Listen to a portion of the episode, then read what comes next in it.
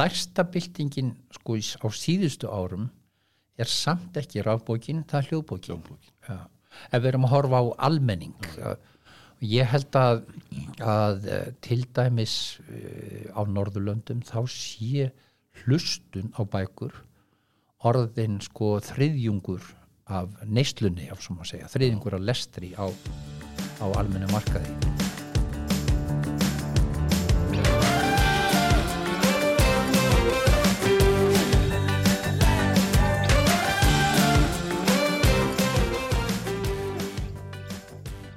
Komið í sæl, ég heiti Grímur Kolminsson og verið velkomið í hlaðvarpið augnabliki yðnaði. Við fengi hinga til okkar í spjall Haldur Guðmundsson, rítöfund og bókmyndafræðing og bjóðum hann hjartanlega velkomin. Takk. En svona áður við byrjum spjallið, hver er Haldur og, og hvernig bakgrunn ertu með? Já, þú eiginlega sagðir það, ég er, er bókmyndafræðingur en ég var sem sé, ég fættir í Reykjavík og um, og var hér í mentarskólanum við Tjörnina og hóf svo nám í, í bókmyndum við Háskóla Íslands, bókmyndum og íslensku en hafði sem krakki þá var ég með fólkdra mínum fimm ári í Þískalandi sem hefur alltaf svona litað mig mikið.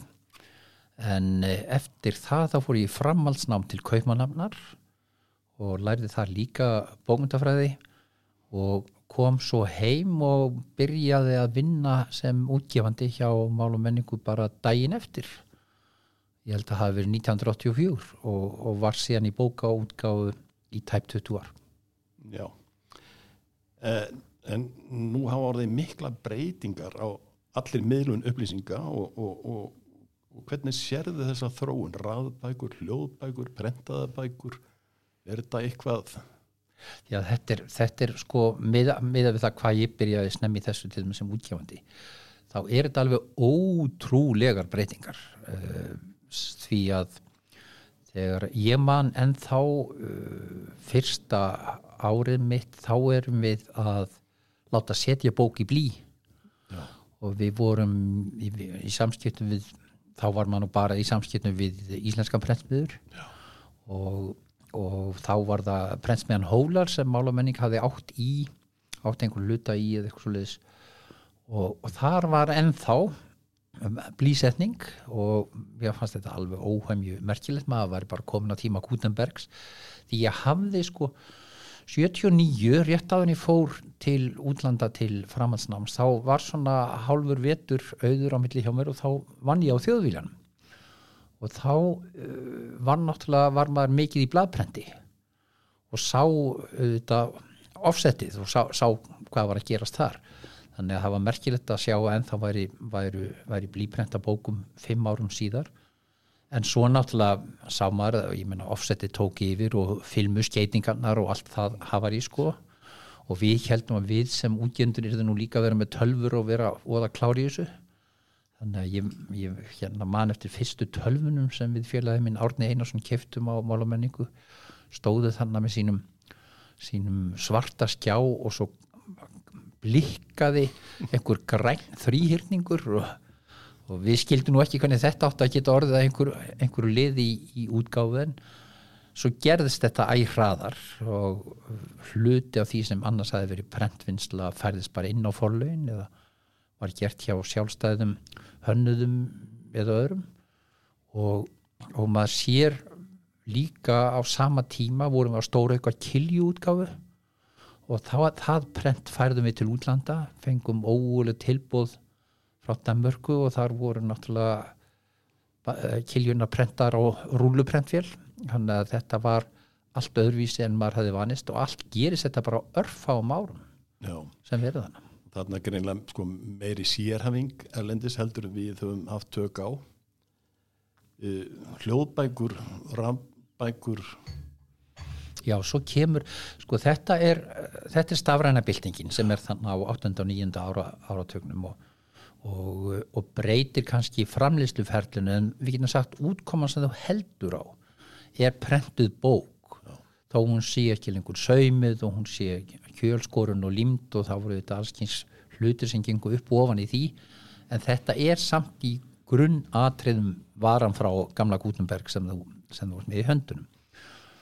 En auðvitað um leið og verið er að gera þetta þá sjáum við veist, kannski bók umbrotin algjörlega og forlægi algjörlega innan hús og hún er gerði í einhverjum góðum fornum þá ertu auðvitað með vöruna lestrarhæfa. Já, og, og þá byrja menn að reyna fyrir sér með rafbókum og, og uh, forlægi þar að vísu eftir mína tíð var að, var að um, selja þetta í gegnum Amazon en það var mjög, mjög lítil eftirspurn.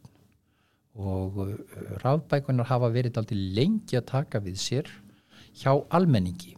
Það er mjög mikið af sérhæðu efni sem er algjörlega orðið uh, rafbækur, er ekki prenta lengur sko til dæmis eitt af fyrsta sem maður sá því þú manst það nú og viðunum saman að hérna hvað orðabækur skipt okkur miklu máli. Já, og við erum að búa til þess að reysa stóru orðabækur og, og eitt síðasta stórvirki sem ég stóða sem útgefandi var íslensk orðabók í tveimur bindum sem sé nýju og endurskoðu útgafa sem var óhemju framkvæmt orðabækur eru algjörlega hortnar sem fysísk fyrirbæri þetta er allt á netinu. Og, og það mun ekki breytast aftur. Svona uppflettir það flytjast hangað en, en nú er líka ber meira á því að fólk sé að lesa rafbækur bæði á lesbrettum og um, hérna hvort sem það er kindill eða stóritel lesbretti og svo framvegis. Og það sem ég sá fyrst fyrir þremur árum og fannst alveg óhemju merkilegt það var, það var koma bókasýning í Kína of all places og það býður, býður einhver hérna leigublýstur eftir okkur á flugvillinu og ég sé hann er að lesa bók á símanum sínum og svo keira hann af stað og þá les símin fyrir hann. Já, já, og svo þegar hann stoppa aftur þá heldur hann áfram að lesa. Já. og þetta er náttúrulega mm, ótrúlega sniðugt og, og þetta notfæri ég mér núna mikið sjálfur. Maður er komin í þá aðstöðu að geta ekki borið fleiri bækur inn á heimilið. Nei. Þá, þá, þá verður maður snokkin fyrir þessu og, og ég held sem sé að það, eh, stærsta byltingin sko á síðustu árum er samt ekki rafbókin, það er hljóðbókin. Já. ef við erum að horfa á almenning ja.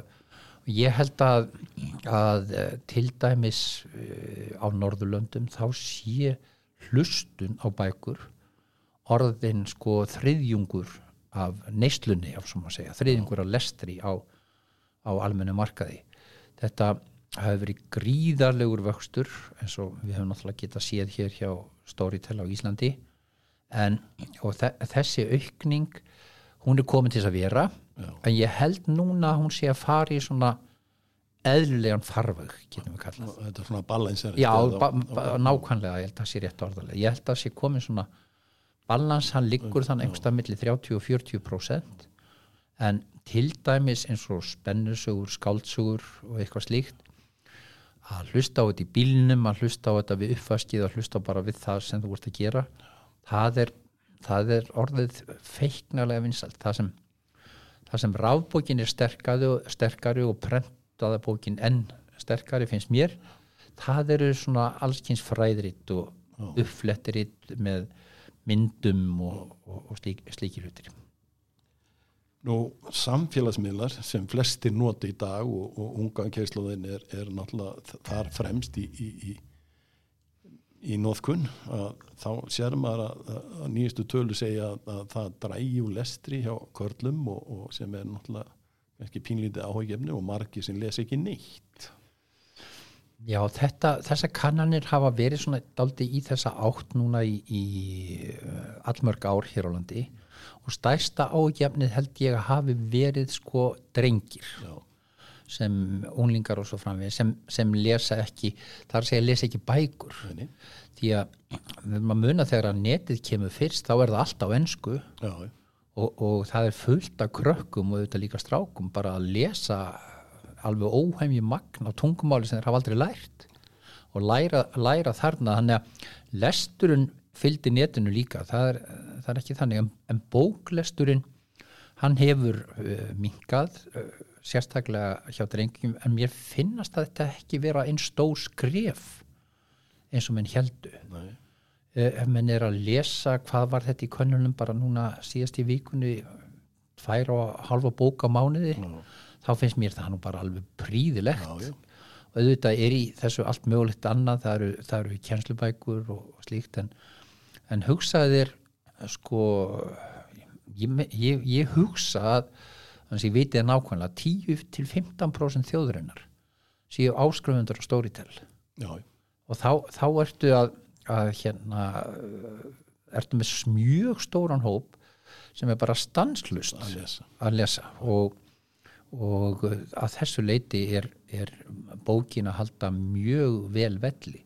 Það sem manni finnst er eitt svona að maður að förum aftur aðeins í eldri tíman þegar að svona við heldum nánast að við getum bara búið til bækur innan hús og forlugum og bara helst stafrænt prentaðir og, og gert þetta allt saman sjálfur þá, þá þurftu menn að læra að ímislegt úr bara gömlum setjarareglum stærð leturs á hvaða fæti hérna breytt dálka og, og svona þess að bara sem merkilegu inngrein sem setning var að, að þá þurftu menn að læra að taka tillit til þess. Sem mátti ekki alveg sko flippa út af því allt var hægt í tölfunni og, og let, leturflötunum var kannski algjörlega ólæsilegur og, og, gladaður þannig að þennan lærdom þurfti að taka, taka með og mér finnst eins stór gaman að þau sem allar mögulega hluti á, á samfélagsmiðlum. En hlutverk sko forlagsins er að rítstýra já, þannig að þú getur gengið út frá því að það sé einhvers konar quality control einhvers konar gæða eftirlit og það er rétt eins og preltspjönun hafa þurft að flytja það alltaf með sér og hafa það. Þá held ég að forlegin verði mitt að gæta mjög að því. Þannig að þegar þú nálgast einhverja bók sem gefin er út af þekktu forlegi þá, þá getur þú verið vissum að hún sé ekki sko morandi í prentvillum og málvillum og, og samengisleysum næni en nú hefur þú stýrt bókamessun í Frankfurt bæði fyrir okkur Íslendinga og síðan meir fyrir norðmenn. Er mikill munur á milli okkar sem þjóða í, í svona bókamálum? Ég held að við værum að horfa á þetta í svona heimssamingi þá séu þjóðunar sko ná skildar Nóskil. en, en þetta, er, þetta var samt mjög fróðlegt Eh, þetta voru sem sé ég stýði nú kannski ekki mesturinn í heild heldur því að þessi lönd voru. Já.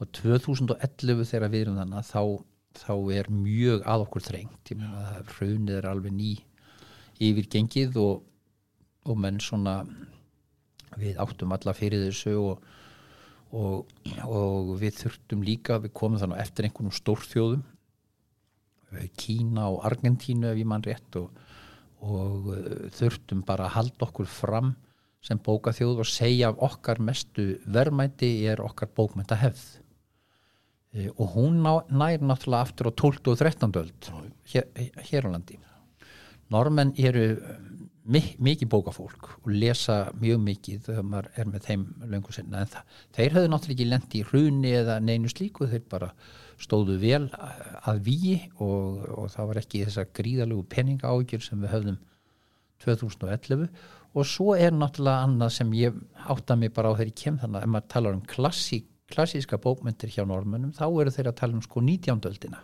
Já, þeir fara ekki 800 ár aftur í tíman en það eiga þeir mjög litlar bókmyndir frá og nánast engar frá 12 og 13 öld. Þannig að allavega ekki á, sem eru skrifaðar á móðurmáli. Þannig að þarna í, í svona þessari hefð og nálgun var, var mikil munur en svo er líka munur að því leiti að ég fór að kynna mér þetta þetta er nú þryggjára undirbúningstími Já, já. sem fer í og ég er þrjú ár þar núti. Þá sér maður uh, hvað sko útgáfan er miklu stærri en á Íslandi. Þetta er miklu meiri bókaútgáfa. Þeir eru miklu fleiri follow. Þeir eru 17 sinum fleiri en við. Já, já. þetta, þetta er stærri markaður og, og það er ótrúlega fjölbreytni og, og svona breytt í, í, í þeirra útgáfu. Og hana var auðvitað gaman að hafa með sér út og sína en svona bóksölu kerfin í, í, í þessum löndum ef við berum saman Noreg, Þískaland Já, sko það er hérna óheftasta markaðskerfið er á Íslandi. Er á Ísland af þessum þreymur löndum. Og þjóðverjar eru ennþá með uh, verulegu leiti með fast bókaverð og norðmenn að miklu leiti líka. Þannig eru svona, það eru reglur og samningar í frekar föstum skorðum vegna þess að menn vilja halda utanum tungumálið og halda utanum bókmenninguna meðan e, ég held að það sé bara 95-96 þannig að kemur frjálst bókaverð á, á Íslandi.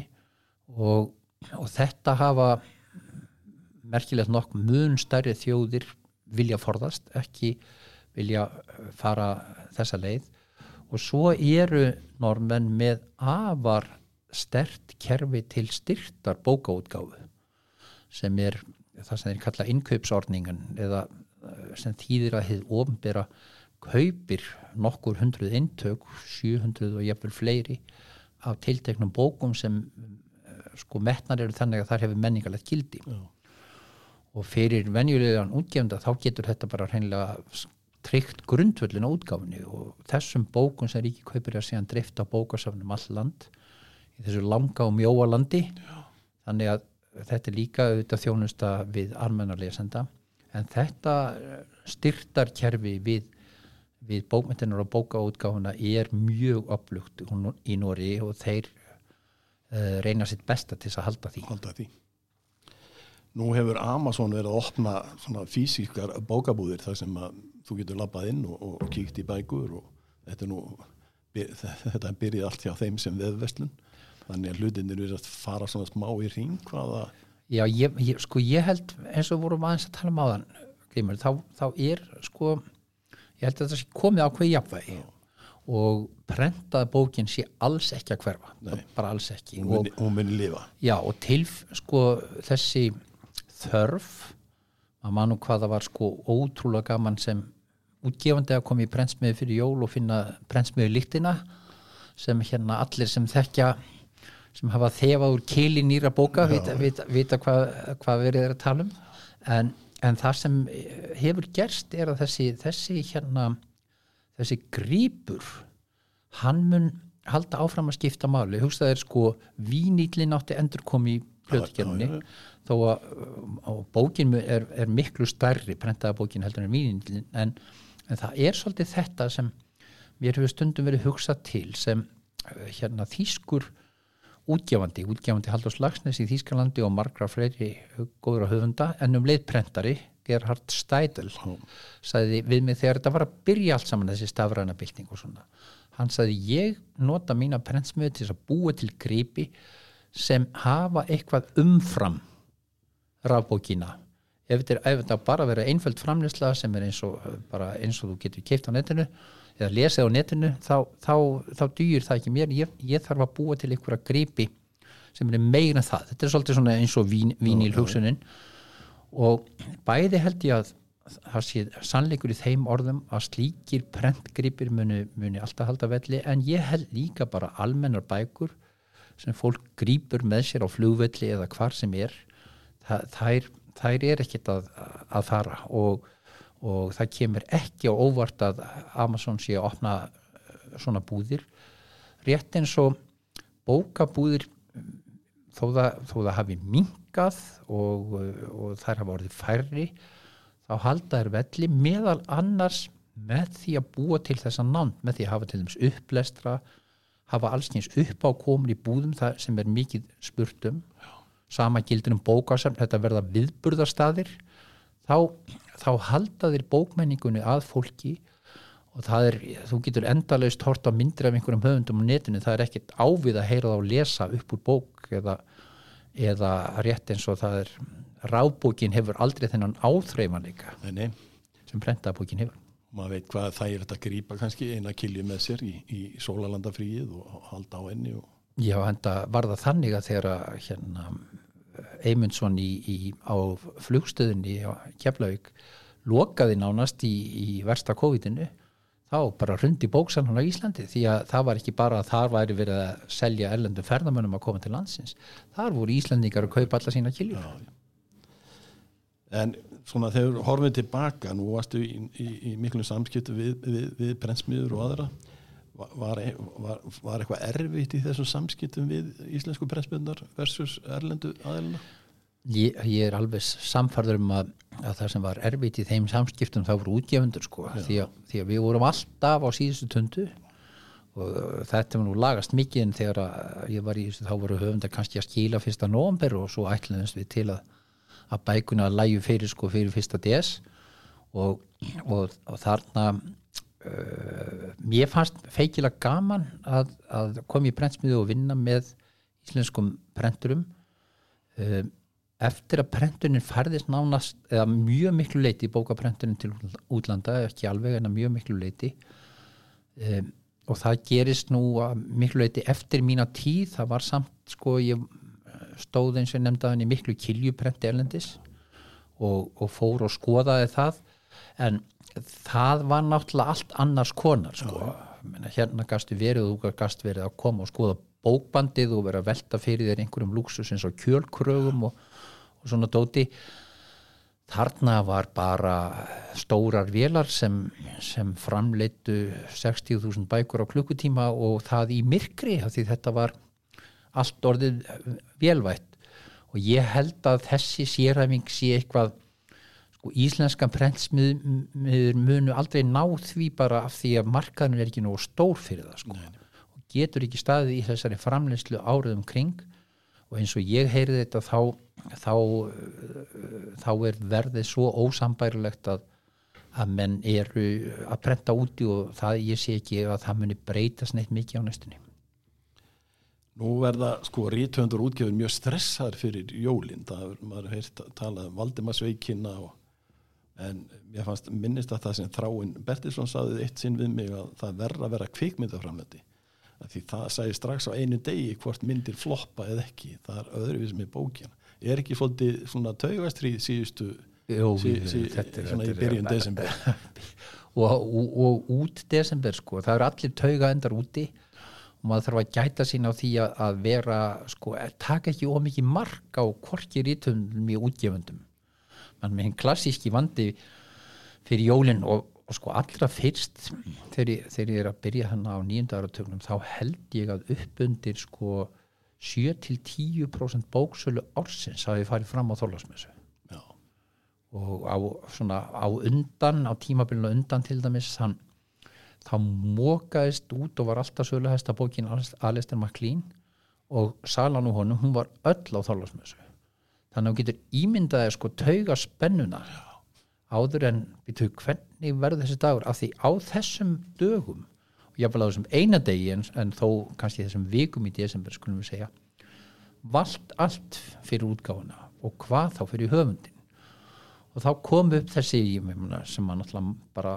lærði sín að taka sem gefnu að, að þú veist höfundur er aldrei auglistur neitt og allavega aldrei auglistur nóg og, og, og ég held líka sko að maður hugsa út í það að því eftir kannski byrjun desember eftir fyrstu vikunni desember þá breytir þú engum auglýsingum. Það er ekkert að gerast við það. Þá, þá var það einlega niðurstu að mínu auglýsingar væru aðalega fyrir höfunda. Og svo bara að ég prófaði að vera sko allan ringin við borðið líka sem höfundur þá þá, þá, þá ert alltaf með þessa tilfinningu ef vel gengur þá eru höfundunum að þakka ef ítla gengur þá er það útgáfanum að kenna sko. Og svo svo þetta ægilega slugs í brennsmiðin alltaf. Þannig að mað, mað, þetta verður svona þetta verður svona sameilegur hérna um, uh, svona tauga, tauga sameileg tauga hrúa sem þannig þann, þarna myndast. Og það er að því það er svo mikið undir. En ég hugsa þetta sé rétt sem þú hefur eftir þráni Bertilsinni þeir sjá þetta strax svo er það sem er miklu erfiðara við við uh, kvikmyndagerðina við hverja bíómynd er svo rosalega mikið undir Já. þannig að þar, þar hugsa ég að sem því nemur sé taugar spennan meiri Já. en svona svona lokum, ertu með eitthvað ráð fyrir íslenskan brentina? Sko ég held að uh, það sé mjög sneið sem líka ber svolítið á að menn, menn sem sé kunni og haldi þeirri kunnáttið að búa til góða prentgripi, fallega prentgripi út frá þessari sömu hugsun um þetta verður alltaf spurt. Einhver mun alltaf vilja gera þetta. Ég veit að sögufélagið sem útgjándi lætur saumabækur. Þetta verður alltaf til og svo er bara að fylgjast vel með sko hvort það gerist eitthvað í þeirri tæknithróun sem gerir mannum kleft að vera sambærilegir í verði þó það sé ekki jafnstór markar árið um kring eins og, og erlendis Nú er komið að loka þessa spjáls okkar Halldórs og ég vil þakka þér kærlega fyrir að þú skulle hafa gefið tíma til að koma henga til okkar í dag og svara spurningum íslenskan prentin. Takk sem leys Takk.